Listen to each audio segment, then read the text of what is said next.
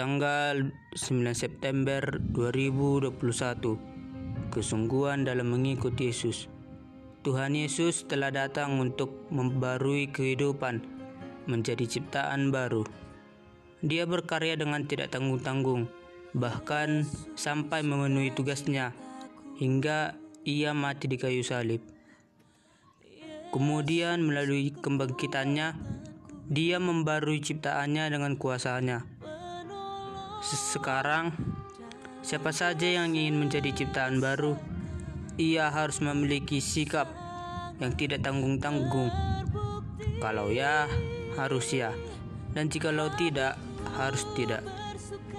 Jadi, siapa saja yang ingin menjadi pengikutnya dan masuk ke dalam kerajaannya harus memilih dengan tegas tidak dengan sikap setengah-setengah. Nats Alkitab Jangan kamu menyangka bahwa aku datang untuk membawa damai di atas bumi. Aku datang bukan untuk membawa damai, melainkan pedang. Setelah Yesus berpesan kepada kedua belas muridnya, pergilah ia dari sana untuk mengajar dan memberitakan Injil di dalam kota-kota mereka.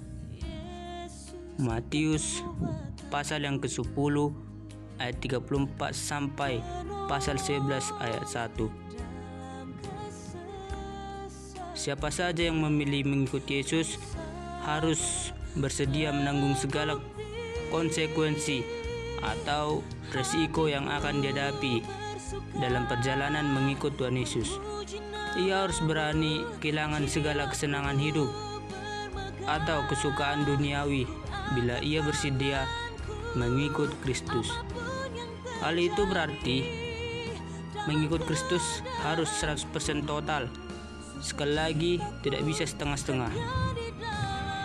Siapa saja yang tidak bersungguh-sungguh dalam mengikut Kristus, ia tidak layak baginya. Mengapa saya katakan tidak layak?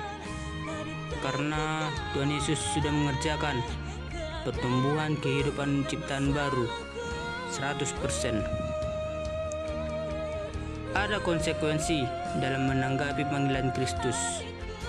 Siapa saja yang menyambut utusan Tuhan Yesus dengan sungguh-sungguh, ia akan mendapat berkat. Akan tetapi, siapa saja yang menolak atau menolak utusan Tuhan Yesus, ia akan menghadapi penolakan dari Tuhan Yesus di hadapan Allah Bapa.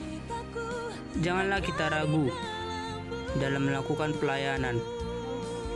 Oleh sebab itu, kita harus bersungguh-sungguh dan percaya bahwa misi yang kita emban adalah berdasarkan mandat dari Tuhan Yesus.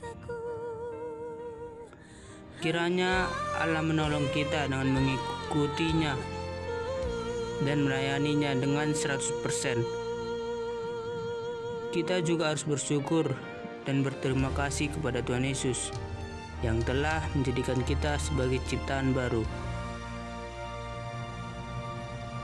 Sekian dan terima kasih.